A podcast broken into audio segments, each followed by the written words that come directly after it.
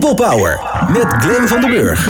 Ja, het is weer tijd voor een LinkedIn Live. En wat voor een na uh, Jeroen Buescher. Uh, mijn eigen boek. Uh, ja, je moet ook een beetje aan je eigen zelfpromotie doen. En Jitse Kramer is het tijd voor weer een held uit, uit de, de sprekers, adviseurswereld ja, in een veranderende wereld, uh, ja, aan wie moet je je dan gaan vasthouden? Nou ja, ik uh, zou je adviseren, doe dat aan Menno Lanting.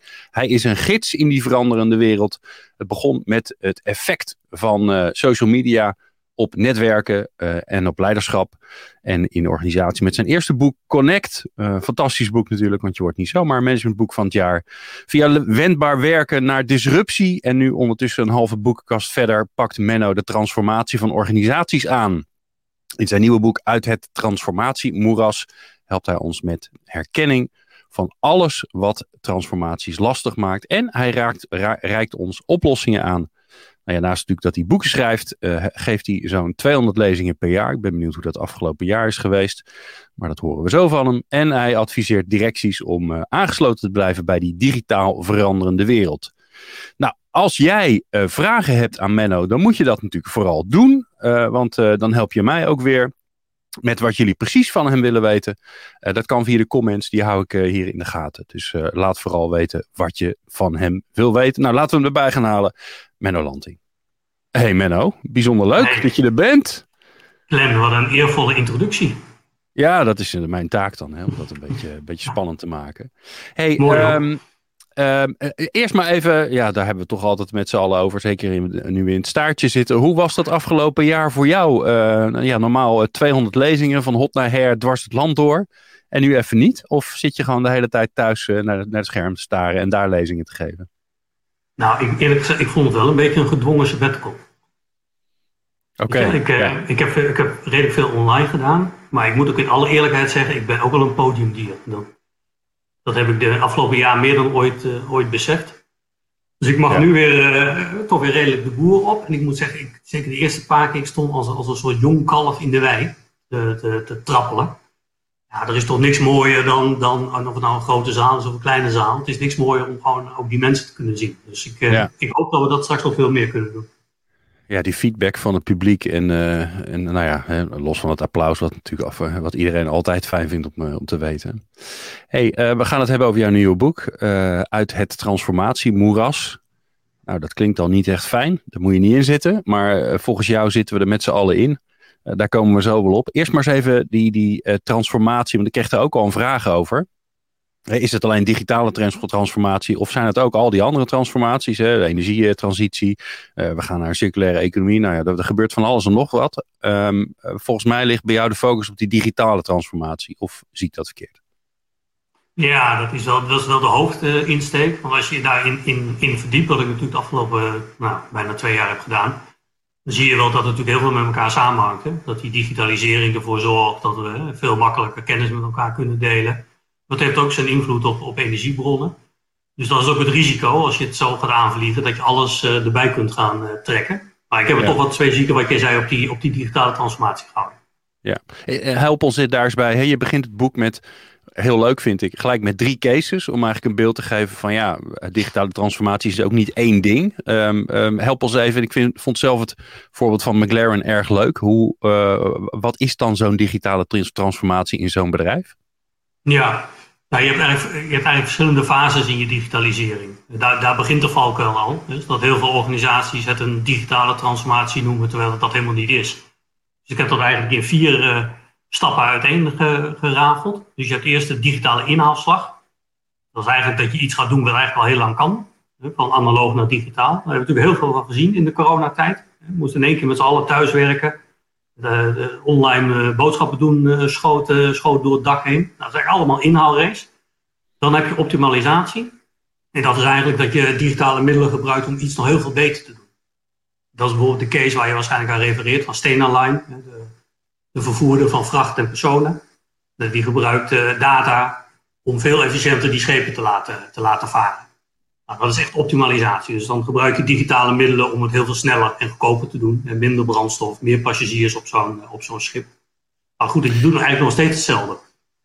Ja, ja, eh, als zeg maar businessmodel heb je, doe je nog steeds hetzelfde. Hè? Je, je, ja. je vaart rond met mensen, auto's en, en, en, en spullen aan boord. Ja. ja maar ze gaan daar best ver in, hè? Volgens ja, mij. Ik, ben dan net, ik ben dan net voor de corona nog, uh, nog geweest.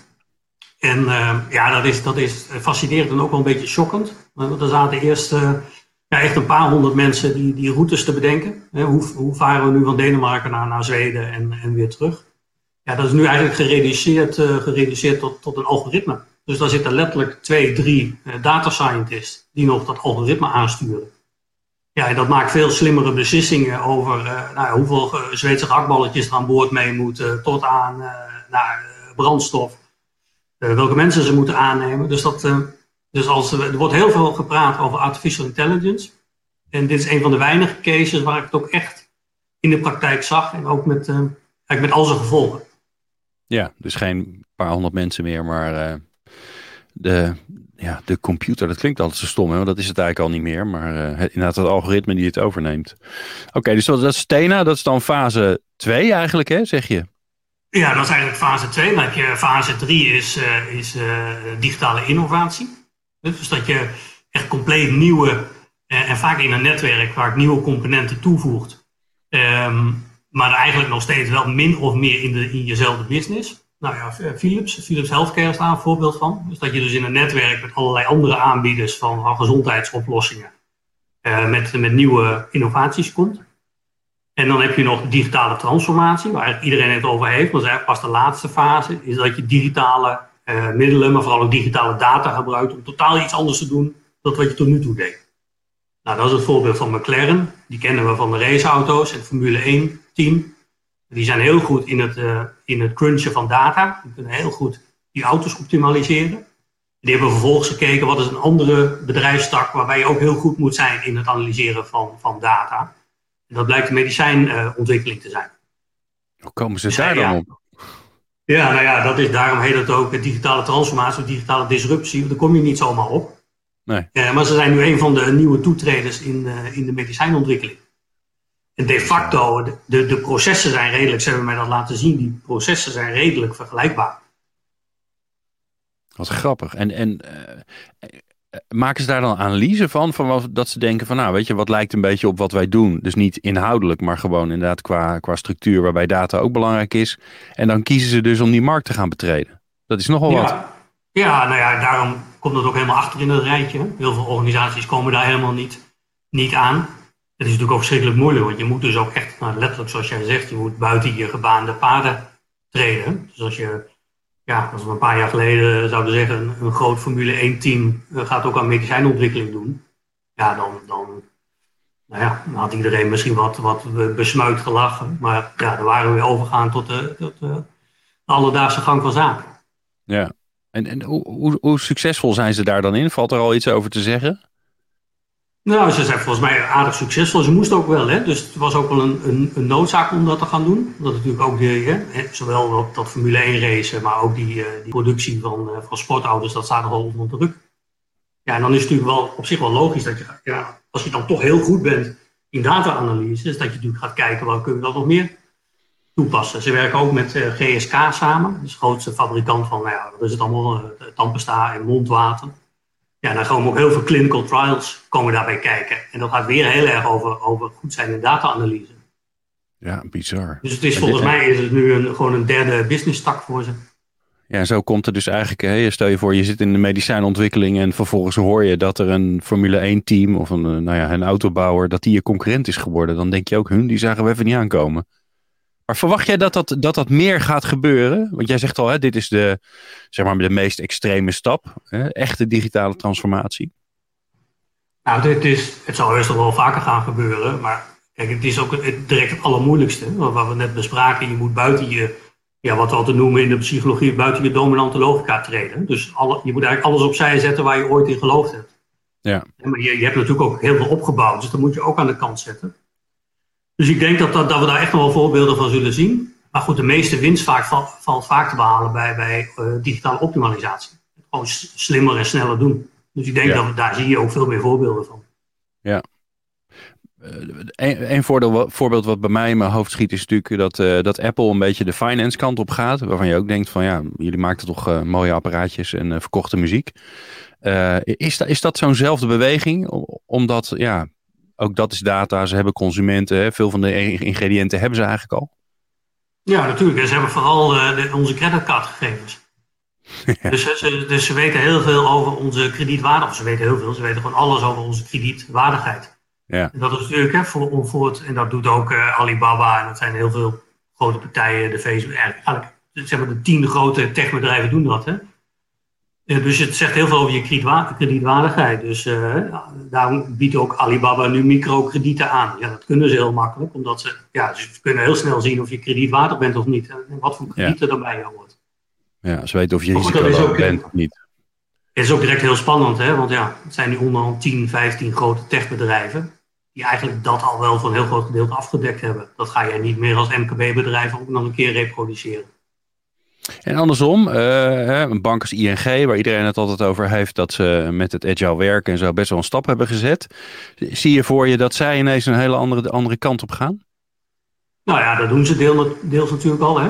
Zij zijn echt ook wel een voorbeeld van een olietank speedboat model. Met allerlei fintech uh, bedrijven ernaast of waar ze in participeren. Dat doen trouwens bijna alle banken onder, onderhand.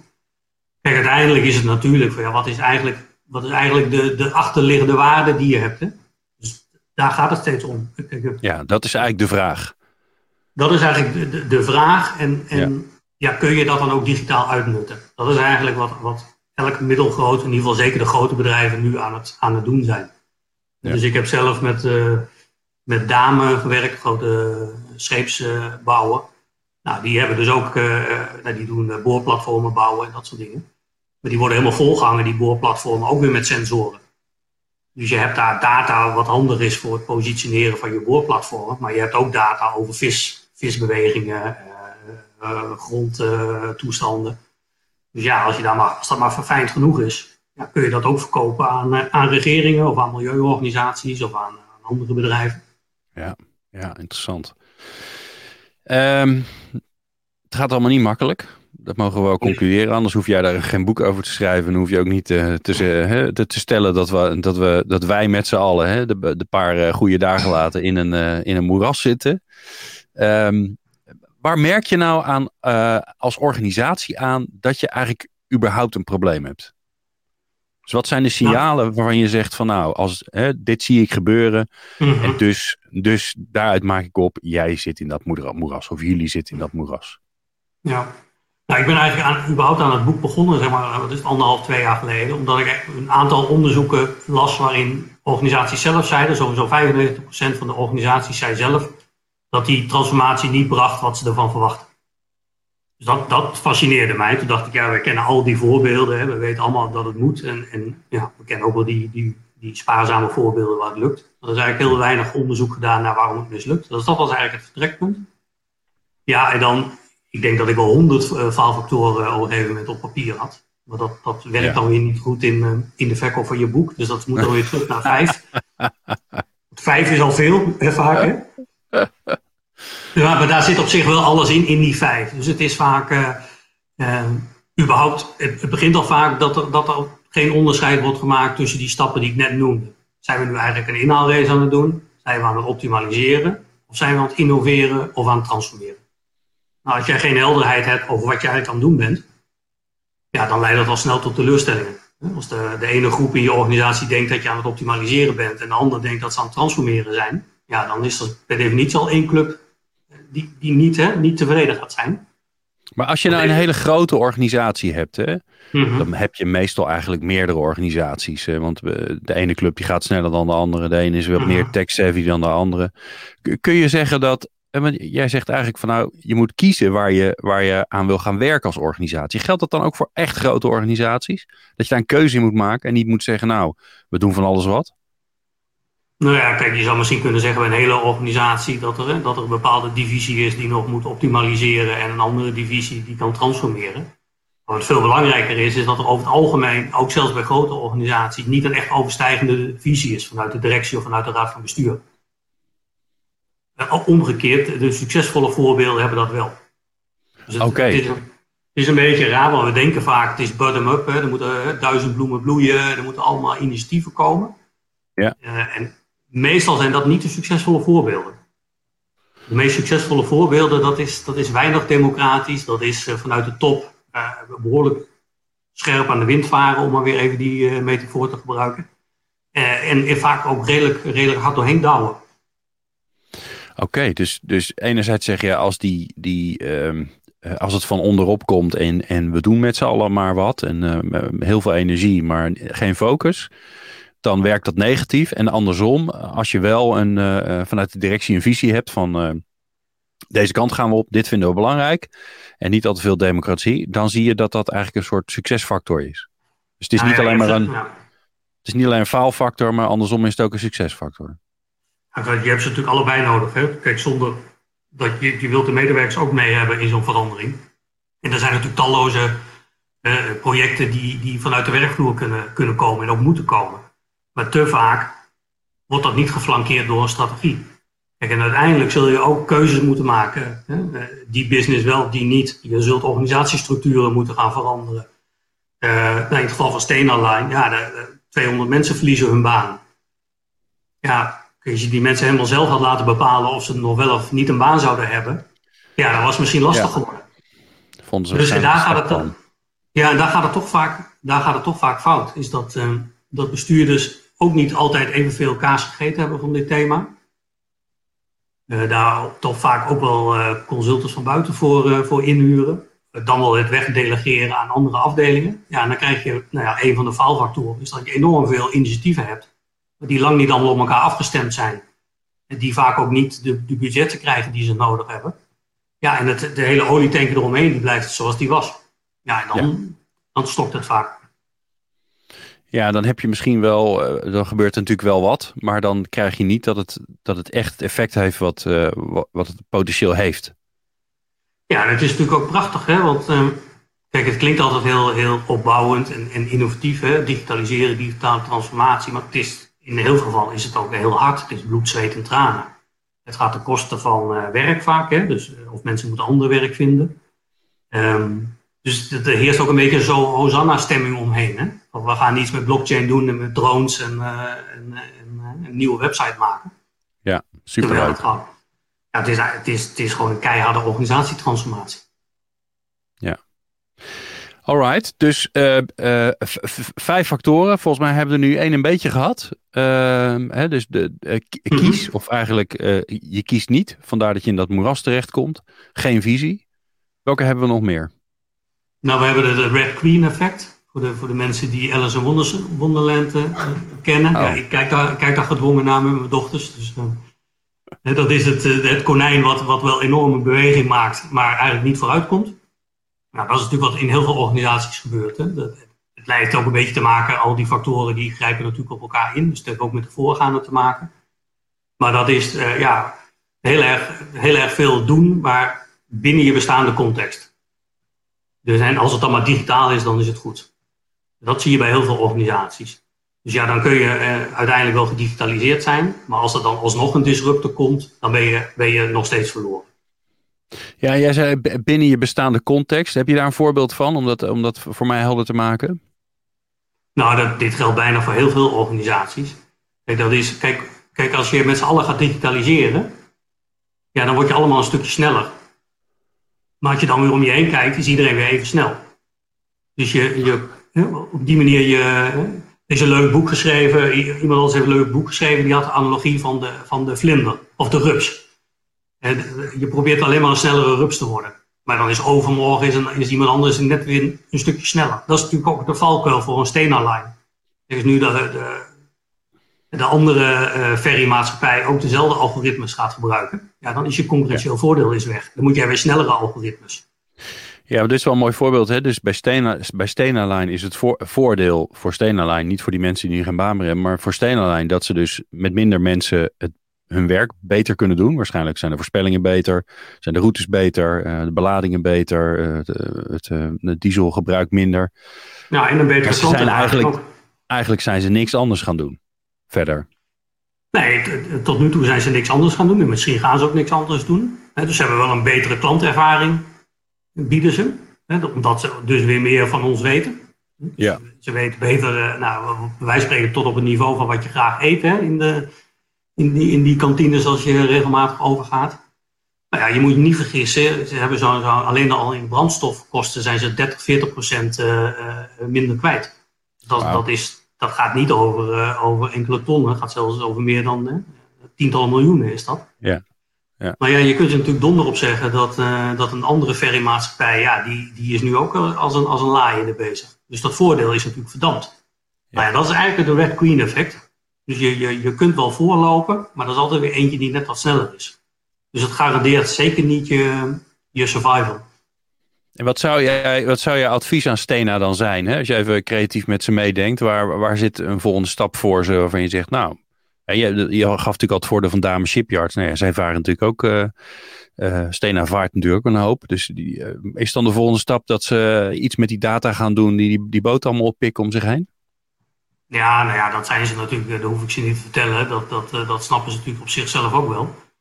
Ja. Uh, kijk, dat is natuurlijk waanzinnig wat, wat voor. Ja, ze lieten mij dat zien en ik, joh, ik, had met, met één HAO uh, statistiek al moeite. Dus ik, ik, uh, ik, snapte nauwelijks wat er allemaal voorbij kwam.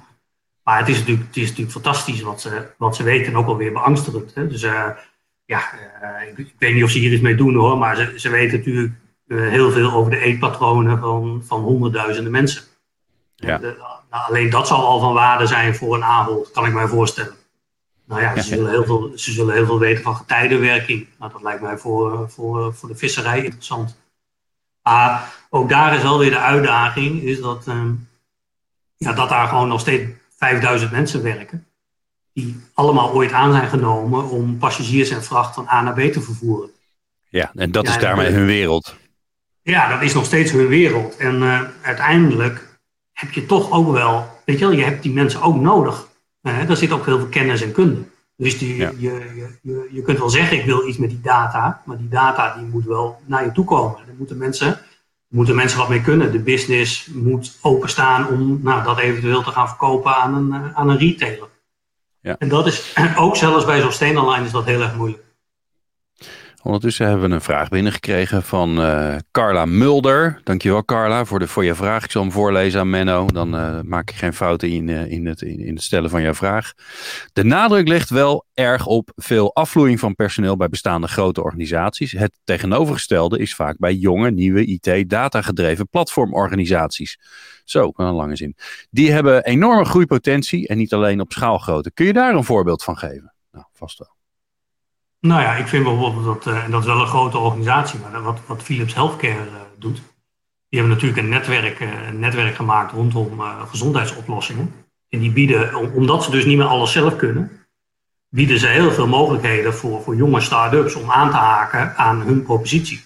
En dat zeg ik even heel snel, maar dat is natuurlijk best wel wat voor zo'n enorme multinational, die altijd gewend was om of lampen te maken of televisies, en dat ook allemaal nog zelf te doen en nu echt een serieuze uh, speler is in die hele start-up uh, wereld. Dus ik vind dat wel een voorbeeld. Ja, en nogmaals, ik ben. En, lu voor... lukt ze dat, Menno? Want ik kom het wel vaker tegen natuurlijk. Hè. Toen we nog naar kantoren mochten, dan eh, werd er ergens een hoekje ingericht. En dan zaten daar mensen die daar anders uit zaten. Want die hadden, hè, bij de Rabobank hebben ze dan zo'n hoekje. En bij de ABN AMRO hebben ze een hoekje. En die hebben geen pak aan, maar sneakers. Uh, dat is al een tijdje geleden hoor. Maar um, dan nog is natuurlijk de vraag. Lukt het je om die om dat echt je organisatie in te krijgen. En op de, uh, door, door die hiërarchie heen.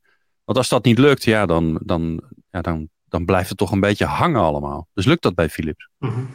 Nou, ik denk, god, daar is natuurlijk ook heel veel ellende, denk ik, als je daar lang uh, rondloopt. Hè. Bij elk succesvol voorbeeld is, is direct ook een bak ellende. Hè. Nou, heeft ellende met, met, mensen die niet meer kunnen werken. Wat ik zeker niet terzijde schuif. Hè. Ik denk dat dat echt een maatschappelijk uh, probleem en uitdaging is. Maar ik denk wel dat Philips, en er zijn nog wel een paar, maar ik vind Philips echt wel een, toch wel een heel goed voorbeeld. Die er echt wel in, in, die ook snapt dat ze niet meer de hele koek voor zichzelf kunnen hebben. En dit gaat natuurlijk wel wat verder dan, dan al die uh, start-up communities, waar, wat zeker een paar jaar geleden hip was, waar jij denk ik ook aan refereert. Hè? Dat deed, ja. Elk bedrijf deed dat. Allemaal speedbootjes, maar uiteindelijk was het grote probleem dat die speedbootjes nooit meer bij die olietanker kwamen. Of dat de succesvolle mensen van de olietanker niet wisten hoe snel ze op zo'n speedboot moesten komen. Maar ik denk nu wel dat... Bleek reddingsboten te zijn. nou ja, ik denk nu dat er wel een aantal succesvolle ecosystemen zijn. Maar ook daar is natuurlijk wel een, een, een groot probleem. Hè? Dus we hebben natuurlijk de, de, de grote platformen, boeren, zoals Deliveroo en de Ubers van deze wereld. Waar ook wel heel veel op aan te merken valt. Dus ik denk, en misschien uh, doelt Carla daar ook al op, is dat we ook eigenlijk wel een soort derde golf krijgen van echt netwerkbedrijven, wat, een, wat veel meer een, een samenklontering is van, van ZZP'ers of van kleine bedrijfjes. Ja, die ook wel een behoorlijke vuist gaan, uh, gaan vormen richting die grote organisaties. Maar goed, het feit, weet je, als zelfs zo'n zo groot bedrijf als, als Philips ze realiseert dat ze het niet meer zelf kunnen, ja, dan geldt dat eigenlijk voor elk bedrijf. Hè? En ook dat is natuurlijk wennen, want die bedrijven zijn van zijn we van hè, traditioneel gewend dat zij alle kennis en kunde in huis hebben. En nu gaan we ze vertellen dat in dat hele netwerk van ZZP'ers en, en start-ups, dat daar waarschijnlijk meer kennis zit dan jij ooit als grote multinational kunt verzamelen. Ja, ja, en natuurlijk met alle ingewikkelde dingen van dien, want van wie is die kennis en, uh, en hoe deel je die kennis en hoe zorg je dat, uh, nou ja, hè, bedoel, uh, als je jurist bent, dan word je hier heel zenuwachtig van volgens mij als dit gebeurt. Maar jij zegt, ja, dat, dat moet wel. Nou ja, Kijk, het moet ook voor, vanuit de klant. Hè? De, wij als klanten, wij zoeken, een, wij zoeken niet een product of dienst. Wij zoeken, uh, ons probleem moet opgelost worden. En, dus wij hebben, we hebben een vraag achter de vraag. Dus je, je wil de totaaloplossing. Het maakt niet zo heel veel uit waar het vandaan komt. Kijk, en uiteindelijk dan, dan is dat ook niet meer door één, één organisatie te faciliteren. Dat heb je per definitie heb je een, van een samenklontering van organisaties nodig. En daarbij geen enkele organisatie kan meer alle talent in huis hebben wat ze nodig hebben. Dat is eigenlijk de volgende golf. Is ook dat we natuurlijk onze, onze arbeidskrachten, ja, dat die veel uh, steviger georganiseerd zullen worden. In die, tenminste, dat wens ik zo toe. In plaats dat ze uitgeknepen worden, dat ze zich veel beter verenigen in die netwerken en daarmee ook een vuist vormen tegen die grote partijen. Ja, ja. Oké, we hebben um, uh, de focus gehad uh, vanuit de directie of het gebrek daarvan. We hebben het Red Queen effect gehad. Oftewel, iedereen is druk bezig, maar er wordt niet zo heel veel vooruitgang geboekt. Of in ieder geval, er wordt vooruitgang geboekt, maar die iemand anders weer kan inhalen. Um, welke is de volgende? Pennywise, Pound Foolish. Oké. Okay. In, in het goed Nederlands te zeggen. Ja. Ja, dat is eigenlijk, en het lijkt heel evident, maar dan gaat het heel vaak fout, is dat bij de digitalisering de, de focus toch voor een heel groot gedeelte ligt op de technologie. Wij moeten iets met een bepaalde technologie. En eigenlijk te weinig op welke waarde je daarmee gaat toevoegen aan de klant of aan het netwerk of aan je medewerkers. En dat is iets wat we natuurlijk al lang roepen. Maar toch gaat het in heel veel organisaties daar nog fout.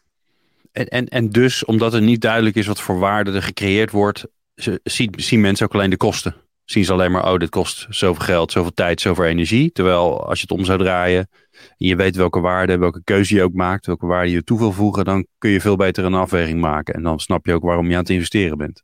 Ja, er is toch nog steeds een hele erge druk om, om iets met nieuwe technologie te doen. Hè? Dit is natuurlijk, wij, nou ja, letterlijk, wij moeten ook iets met de blockchain. Of wij moeten ook iets met artificial intelligence. Of hè, nou, ook drones, wij moeten ook iets met drones. Maar wat adviseer je onze, onze, onze kijkers? Hè? Dus er, die krijgen bezoek van, uh, van een collega of van een leidinggevende. En die zeggen inderdaad precies dit. Ja, ik heb van het weekend iets gezien over blockchain. Of ge gehoord of gelezen of een podcast. Uh, daar moeten wij ook wat mee. Wil ja. jij dat uit? Wil jij dat? Nou ja, zo'n soort uh, kluitje riet vraag. Wat doe je dan? Ja. Nou ja, dit is, om te beginnen is het vaak heel verstandig om, om even te wachten. Met welke technologie dan ook. Het is vaak helemaal niet verstandig om de allereerste te zijn. Dus je hoeft zelfs niet eens in het peloton te zitten, maar je een beetje in de, in de, in de kopgroep van peloton. Dat is mooi. Want heel vaak weten we ook niet precies hoe die technologie eruit gaat zien. In het begin mislukt het vaak. In het begin is het ook heel erg duur. Dus het is vaak heel goed om gewoon anderen eerst in te laten investeren. dus hebben we okay. met, met, met, elke technologie tot nu toe hebben we dat gezien. Dus dat is één. Dus je kunt het beste wachten. Twee is, is de zeer basale vraag. Is, ja, maar waar gaat deze technologie onze medewerkers helpen, onze patiënten, onze consumenten? Dat klinkt als, als heel bazaal, maar als, als je daar niet een goed antwoord op kunt formuleren, nou, dan kun je beter ook nog eventjes wachten. Dus, en dat, heel vaak is die technologie toch heel, heel, heel drivend, of de, de consultants zijn heel uh, sturend daarin, of het is gewoon hip om het te doen, of de, de, een andere bestuurder op de golfbaan loopt erover op te scheppen. Er zijn allerlei dingen die we vaak helemaal niet zien, die daar een rol in, in spelen. Ja, en dan in de afgelopen jaren hebben we natuurlijk talloze voorbeelden gezien van ja, projecten die de organisatie worden ingeramd, waar de medewerkers niet op zitten te wachten, waar de klanten niet op zitten te wachten. Eh, dan moeten de klanten het in één keer via een website doen of via een, eh, een virtuele uh, chatrobot. Nou ja, we kennen allerlei voorbeelden, denk ik ook wel als, als als privépersoon waarbij je denkt, ja, waarom is dit in hemelsnaam gedigitaliseerd? Ik weet niet of je wel eens langer dan 10 minuten met een chatrobot hebt proberen te communiceren. Ja. Ja, ja dan word je, dan, word je, dan word je niet vrolijk van. Ja, dat die, eh, ik weet niet of die ook in, uh, in Alice in Wonderland zit, maar je, je bent een soort van cirkelredenering aan het doen. dat je na tien minuten erachter komt dat je vier keer op dezelfde plek terecht bent gekomen en dat je er helemaal niets meer op bent geschoten. Ja. Nee, dus kijk, dat is. En, en, kijk, de sweet spot zit natuurlijk in, in hele slimme digitalisering, zodat je niet eindeloos elke keer jezelfde gegevens hoeft in te voeren. Dat ze, dat ze weten wat je eerder hebt, nou ja, hebt gekocht, dat je niet vier keer je verhaal hoeft te gaan vertellen. Overigens allemaal heel uitdagend, want het is, en gelukkig maar, er zit natuurlijk de privacywetgeving nog achter. Hè? Dus hoe ga je dat doen? In combinatie met menselijk contact. Dat is maar dat gaat, dit gaat toch al, hè, eh, als, als je hier de feedback op krijgt als hm. bedrijf, dat dit al heel vaak misgaat. Nou, jij zal het ook hebben, dan, dan, dan je belt ik probeer altijd gewoon te bellen, want dan is het toch meestal het snelst geregeld. En dan, uh, dan moet je je rekeningnummer of je weet ik wat voor nummer intikken. En dan krijg je iemand aan de lijn. En de eerste vraag is, heeft u voor mij een rekeningnummer? Dan denk ik, ik heb het net ingetikt. Dus waarom heb ik dat al gedaan? Ja, dat vind ik dan echt te dom voor woorden. Uh, ja. Maar eerst dat maar even regelen, toch? Nou ja, kijk, dat, dat is eigenlijk digitale reparatie of optimalisatie. En, en kijk, het is natuurlijk, het is vaak ook leuker om met nieuwe sexy dingen bezig te zijn. Er zitten weinig mensen die het nou leuk vinden om precies dit probleem te gaan oplossen. Weet je, dit is niet, weet je wel, dit is niet leuk. Ik krijg al, ik krijg al zweet onder de oksels als ik eraan denk. Hè, dat ik daar, daarin moet gaan duiken met stroomschema's en, en hoe het allemaal werkt. Ja, maar toch, ja. hoe, hoe, kun je een digitaal disruptief bedrijf zijn als, als deze basis niet op orde is? Kijk, dat geeft maar aan dat, en iedereen is van goede wil, maar het is nog steeds ook het denken vanuit silo's. Dus de IT zit daar, zit customer service zit daar en iedereen probeert echt wel zijn ding te doen. Maar schijnbaar is er toch niet iemand op, op een niveau daarboven die zegt, ja jongens, deze klantreis, om maar een thema te noemen, ja, die moet wel perfect zijn. En ja, het kan me niet schelen hoe je het regelt, links of rechtsom. We gaan het gewoon fixen. En niet afzonderlijk, maar we gaan het als collectief fixen. Dus dat is wel een teken dat er dus dat op heel veel plekken ja, wel duizend eh, bloemen bloeien, maar er dus geen overstijgende visie is. Nee, nou, eh, Frederik Kamp, eh, die uh, vier letters achter de naam heeft, denk ik iets te maken heeft met Customer Experience, want het is CCXP. Die zegt ook moeilijk, hè, zo'n klantenreis met een smiley erachter. Ja, dat valt niet mee. Dus uh, Frederik, volgens mij heb je voorlopig even werk te doen. Nou ja, weet je, en, en tegelijkertijd, het, het, het, het, kan ook wel. Hè. We hebben natuurlijk de, de, de, nou ja, de Cool Blues van deze wereld en, en, en vergelijkbare voorbeelden die daar natuurlijk wel in, in slagen. Kijk, en al die bedrijven hebben in ieder geval één ding gemeen. Is zij, zij, zij zien dat ook als een overstijgende strategie. Daar is niet een afdeling die dat regelt. Ja, het grappige bij Coolblue is natuurlijk dat je redelijk snel een echt mens aan de lijn hebt. En, en die, uh, die zijn super vrolijk en vriendelijk en die helpen je en er is geen discussie. En uh, het is, dat is wel, ik vind die combinatie altijd wel interessant. Van ja, je, je kunt heel veel digitaal natuurlijk doen. Maar, uh, maar aan de andere kant, ja, vinden wij het nog steeds fijn om gewoon ook een mens aan de lijn te hebben. Nou ja, ik denk sterker, hoe digitaler we worden, hoe meer hè, behoefte we hebben aan menselijk contact. Ja. Kijk, en, en zo'n Coolblue, ja, daar zit natuurlijk wel een enorme uh, eh, IT-backbone achter. Hè, om te zorgen dat, dat, dat ze precies weten wanneer jij die, uh, die citruspers besteld hebt. En uh, wat je hebt teruggestuurd en hoe vaak je hebt teruggestuurd en wat je ervan vond. En nou, er zit meer data achter dan wij misschien zelf zouden willen weten. Ja. Maar het werkt vooral omdat jij eh, die persoon treft. Dat ze een eigen vervoersdienst hebben, dat er vriendelijke mensen aan de deur komen, eh, dat die wasmachine omhoog wordt eh, getild, de oude weer naar beneden. Dus het gaat ook deels niet meer om die wasmachine, maar om nou ja, het gemak wat erachter zit. En ik verbaas, me, ik verbaas me dan wel dat toch nog heel veel organisaties daar toch nog steeds onvoldoende in slagen om dat te reproduceren. Wat ik wel snap als jij een klein bedrijf bent overigens, hè, maar als jij een vergelijkbaar bedrijf bent met vergelijkbare budgetten. En dat heeft, dat heeft niet te maken met geld. Dat heeft echt te maken met een gebrek aan visie. Vaak ook met toch niet de juiste mensen in dienst. Uh, veel te veel in de silo's werken. Dus het heeft met die organisatievorm te maken. Ja. Oké, eh, focus, um, uh, Red Queen en Penny. Focus op de technologie. Pound, Pennywise, Pound Foolish. Pound Foolish, ja. Denk bijna andersom. Oké, wat is de vierde? Nou, dat is uh, grote mond, uh, slappe knieën. Dus dat bedoel ik mee dat, het, dat het, je kunt geen strategienotitie openslaan of er, er, staan allerlei ronkende woorden in over de, de, nou ja, over de digitale transformatie. We moeten een netwerkorganisatie worden. Nou, ik kan de gemiddelde strategienotitie, in ieder geval de eerste drie pagina's, kan ik wel, wel redelijk invullen in een snel veranderende wereld, daar begint het waarschijnlijk nou ja, mee. moeten wij, ja, ik heb daar zelf ook aan bijgedragen, dus ik uh, mag ook de hand in, in eigen boezem uh, steken.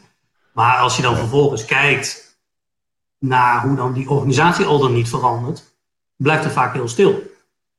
Dus het, het, de, de, de gedachte dat eigenlijk die digitalisering ertoe moet leiden dat je een voortdurend lerende organisatie wordt, dat is eigenlijk de rode draad van mijn boek. Het gaat eigenlijk niet zozeer om digitaal, het gaat erom dat je ja, de juiste kennis en kunde op het juiste moment op de juiste plek krijgt. Bij je klant of bij je medewerkers. Dat je het voortdurend kunt innoveren en vernieuwen. Dat is wat je wil. Maar dat betekent dus dat je ook iets uh, in die structuren moet doen. Je moet wat doen aan je beloningsbeleid. Uh, waarschijnlijk je zult andere mensen moeten aannemen. Je zult mensen moeten omscholen. Afscheid moeten nemen. Je hebt al die gebouwen niet meer nodig. Het de leasepark niet meer nodig. Nou, je hebt zoveel wat je niet meer nodig hebt. Of op een andere manier moet gaan inrichten. Ja, en ik ken onderhand die slides deck. Dan, dan wordt het hele verhaal verteld over die transformatie. En dan is dit vaak de laatste slide. Ja, wij moeten ook nog iets met de mens en de organisatie.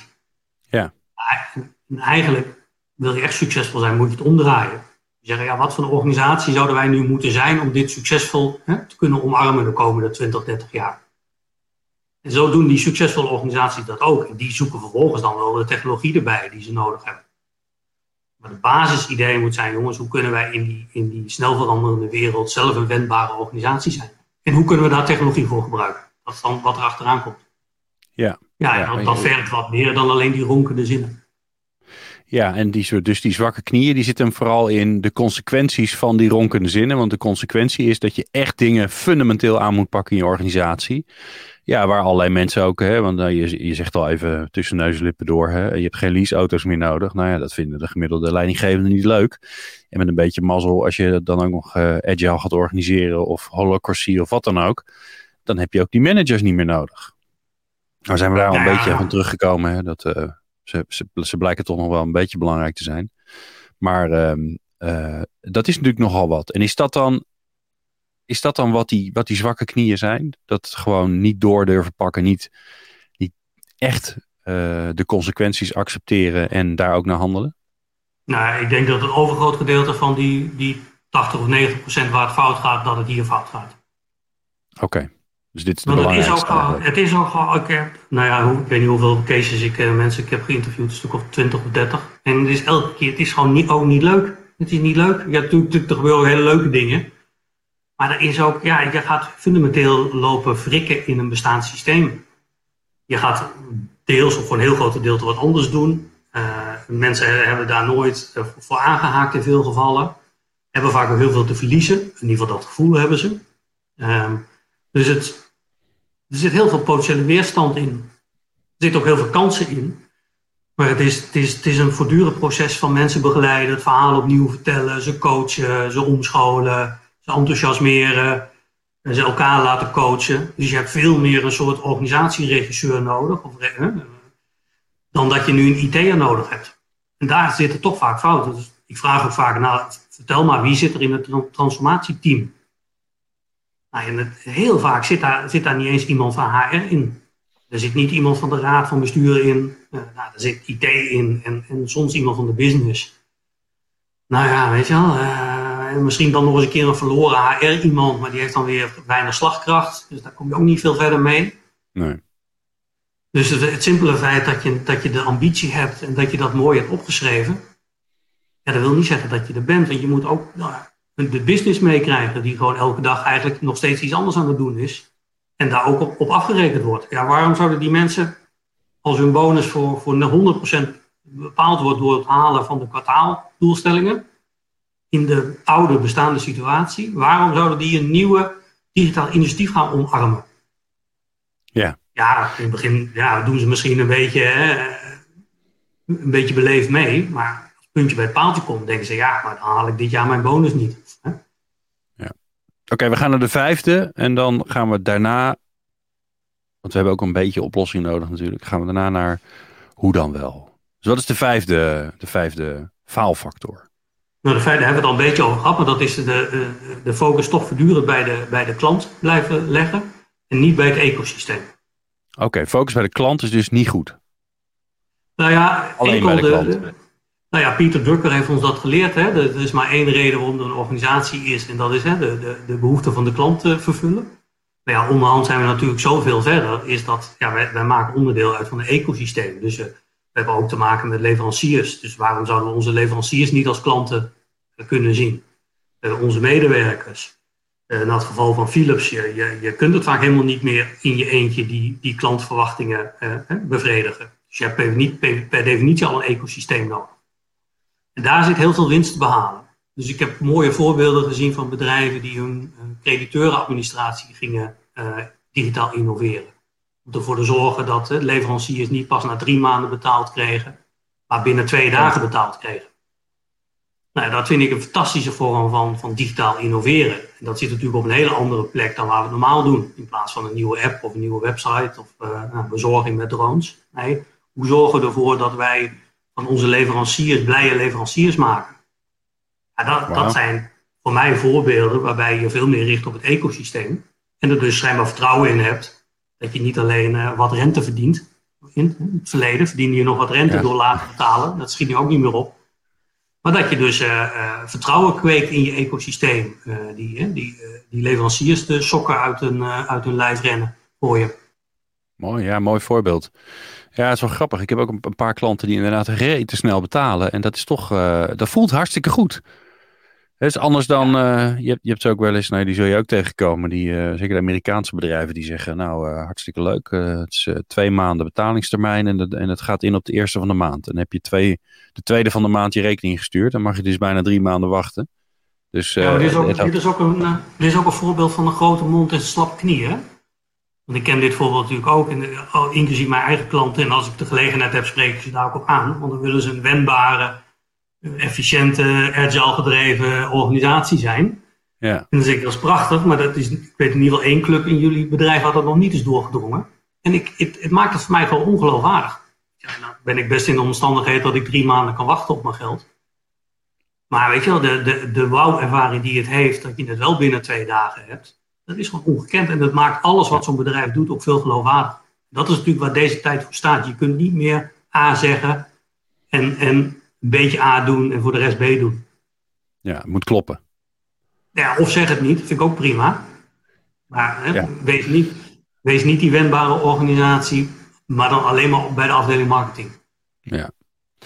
Alright, nou is de grote vraag natuurlijk. eh, velen van ons zitten in dat transformatiemoeras. Ik denk eh, ik ook, eh, als klein, klein bedrijfje zijnde.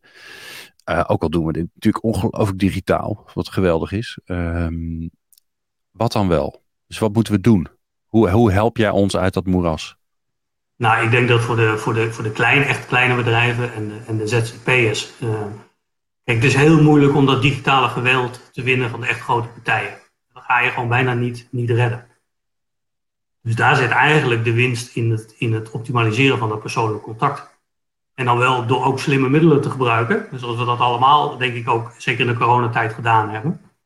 Maar uiteindelijk zit dat in dat persoonlijk contact. Dus we zijn echt, eh, ook in mijn business, wij gaan straks weer, eh, we gaan echt, echt, er gaat echt weer goed betaald worden voor, voor persoonlijk contact. Maar dan wel anders dan wat je ook online kunt doen.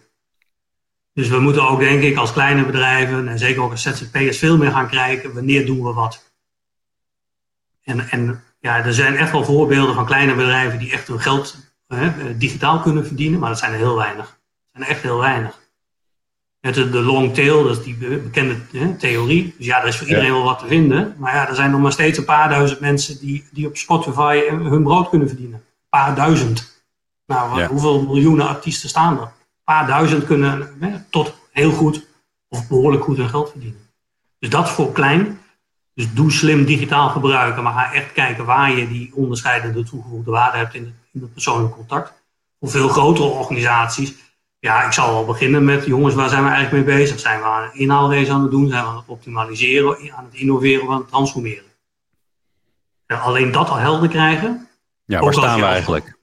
Ja, maar ook als projectleider. En er worden echt toch te veel mensen projectleiders, uh, afdelingsmanagers worden toch nog ook bij middelgrote, grote organisaties door hun directie uh, met een kluitje driet ingestuurd.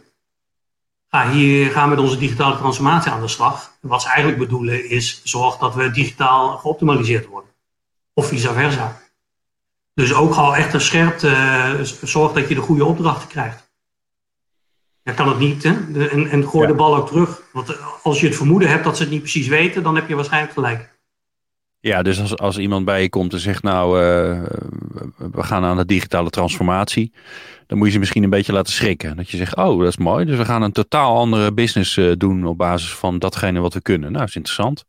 Uh, wat zijn dan wat zijn onze, onze basiskwaliteiten die we hebben waar we zo goed in zijn en hoe gaan we die dan toepassen? Nou, dan is het waarschijnlijk, nee, dat bedoelde ik niet.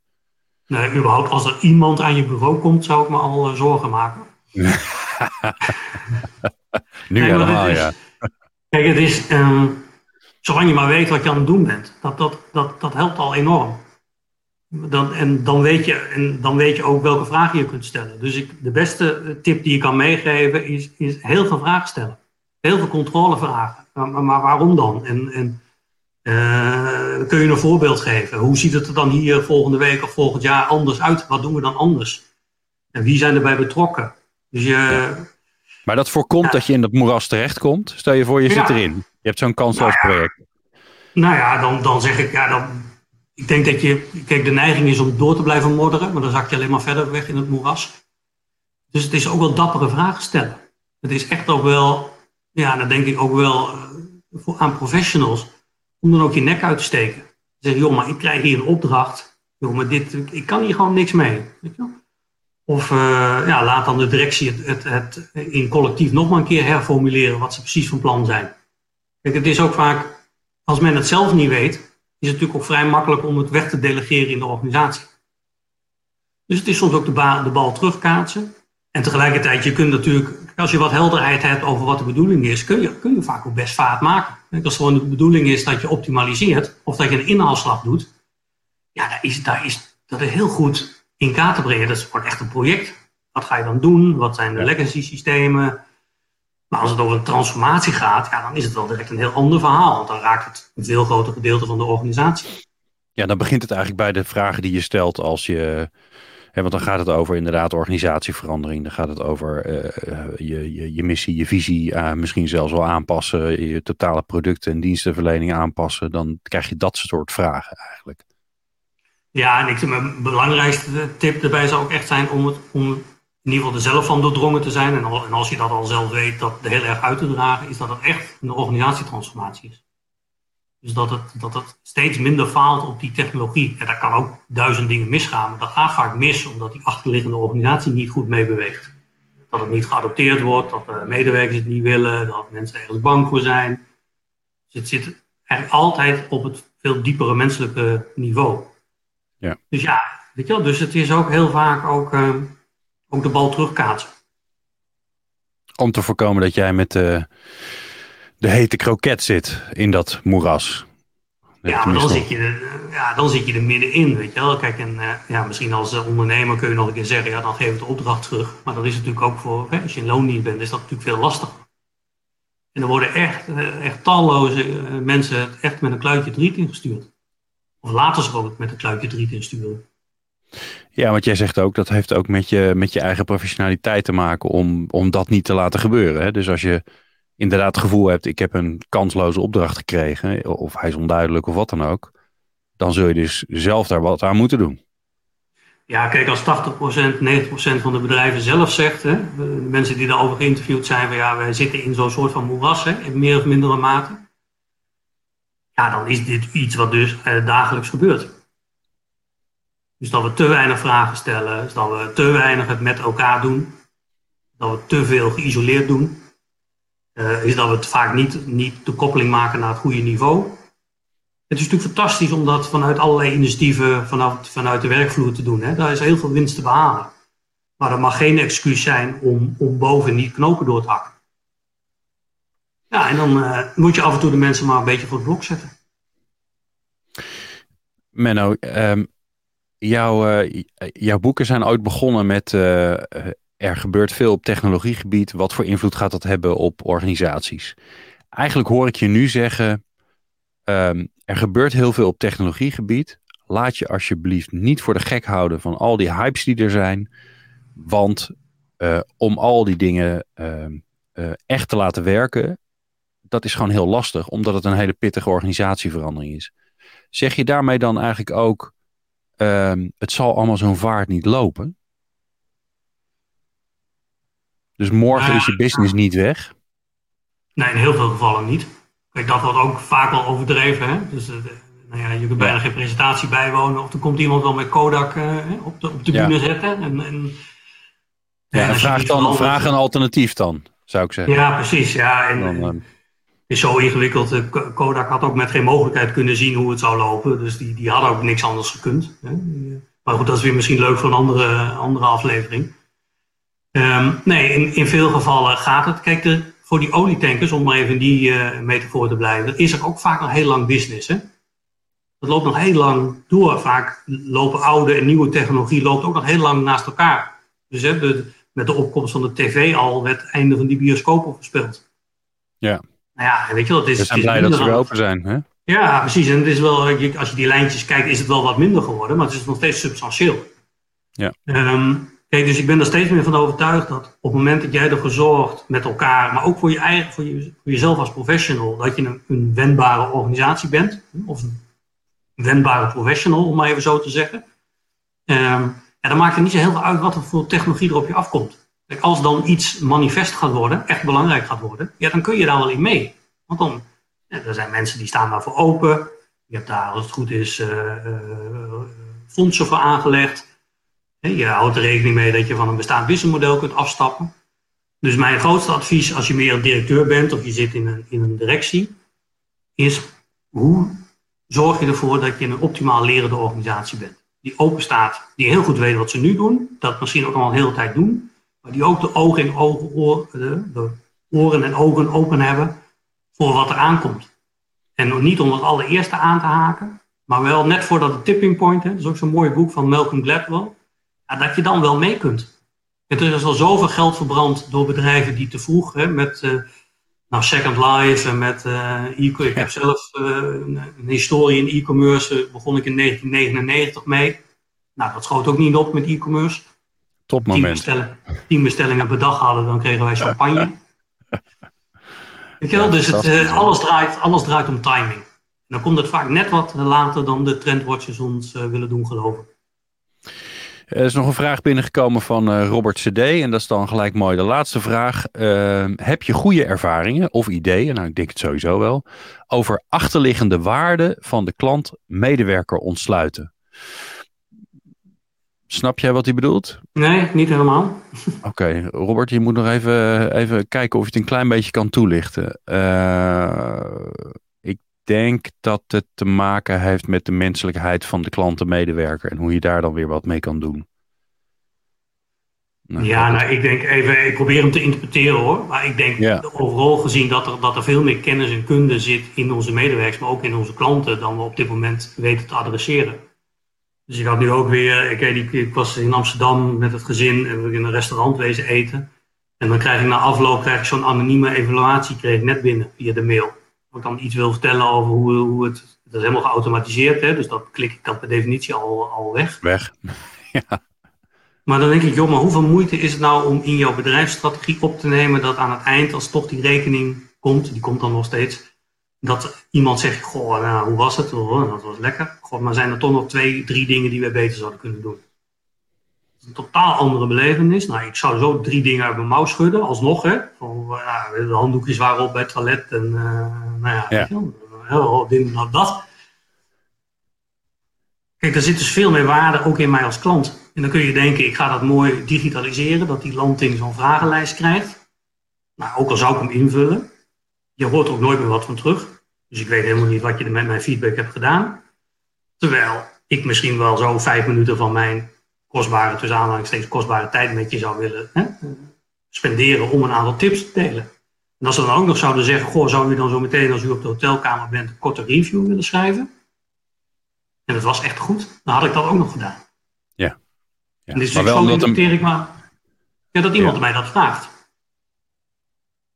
Oh, volgens mij zitten we aardig goed. Want Robert zegt waarde gegeven organiseren. Misschien bedoelt hij waarde gedreven organiseren. Menswaardig organiseren. Ja, nou volgens mij ja. uh, heb je het nou, aardig geïnterpreteerd.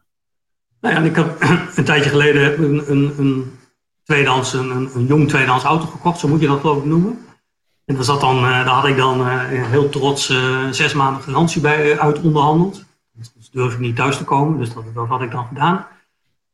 En maar dan heb je toch altijd een beetje het idee, ja, dat zou net twee dagen later, na die zes maanden, is er dan iets. Hè? Ik weet niet, maar dat heb ik altijd. Uh, en deze, deze dealer die belde twee weken voor het aflopen van die zes maanden, belde die, om eerst te vragen hoe het was met de auto. En om te vragen of er nog dingen uh, waren. En hij zei, nou weet je wat, breng hem voor de zekerheid even. Wow. Als, we er toch, als we dan toch nog iets tegenkomen, dan valt dat nog binnen de garantie. Dat is netjes. Nou ja, dat, heeft weinig met digitaal. Misschien heeft hij dat digitaal heel goed geregeld, dat hij weet wanneer hij mij moet bellen. Dat, dat vermoed ik, dat dat ergens wel een handig toeltje voor is. Maar ja, weet je, als nu iemand tegen mij zegt, waar koop ik een auto? Dan zeg ik, nou, dat moet je zijn, want hè, dat is echt top. Dus ja. ik denk dat, dat, ja. dat, dat hij die onderhoudsbeurt al twee keer heeft terugverdiend. Dus er zit veel meer waarde in de medewerkers en in de klanten dan dat we weten te mobiliseren. Dat maakt je volgens mij een organisatie die echt klaar is voor die digitale tijdpunt. Mooi. Menno, dank. Uh, bijzonder leuk om met je te spreken. Uh, mooi inkijkje in jouw boek. Wat, uh, het boek is natuurlijk verkrijgbaar via alle goede, zeker online boekhandels. Ik zal hem nog even aanzetten. En dan, um, want hoe, hoe, hoe, hoe, gaat het met het boek? Volgens mij wel goed, hè? Ja, het gaat hartstikke. Ik heb echt hele leuke, echt hele leuke reacties gekregen. En dat, ja. nou ja, dat, dat, dat, zelfs bij boek 10 is dat spannend. Ja, hè? Uh, gaat er nu nog, ja, er gaat er toch nog wat meer tijd in zitten dan bij een ander boek, hè, door de hele corona. Dus dan maakt het extra spannend. Ja, en ik zag, er gaat ook alweer de top 10 in. Dus uh, verkopen gaan ook uh, goed. Dus, Super. Schijnbaar, schijnbaar veel herkenning. Ik wens je uh, succes natuurlijk met boek. Veel plezier uh, de komende tijd nog met uh, de, de eerste dingen op het podium. En ehm, even kijken, volgens mij reageert er nog eens. Ja, Robert is heel blij met. Die vond het een fantastisch voorbeeld. Nou, wat wil je nog meer? En meer luisteren, meer kijken. meer luisteren doe je natuurlijk op peoplepower.radio. En je kunt op ons YouTube kanaal van People Power kun je de andere interviews vinden met Jitse Kramer en met ehm, Jeroen Buescher. Dankjewel, Menno. Meer luisteren? Ga naar peoplepower.radio en abonneer je op onze podcast.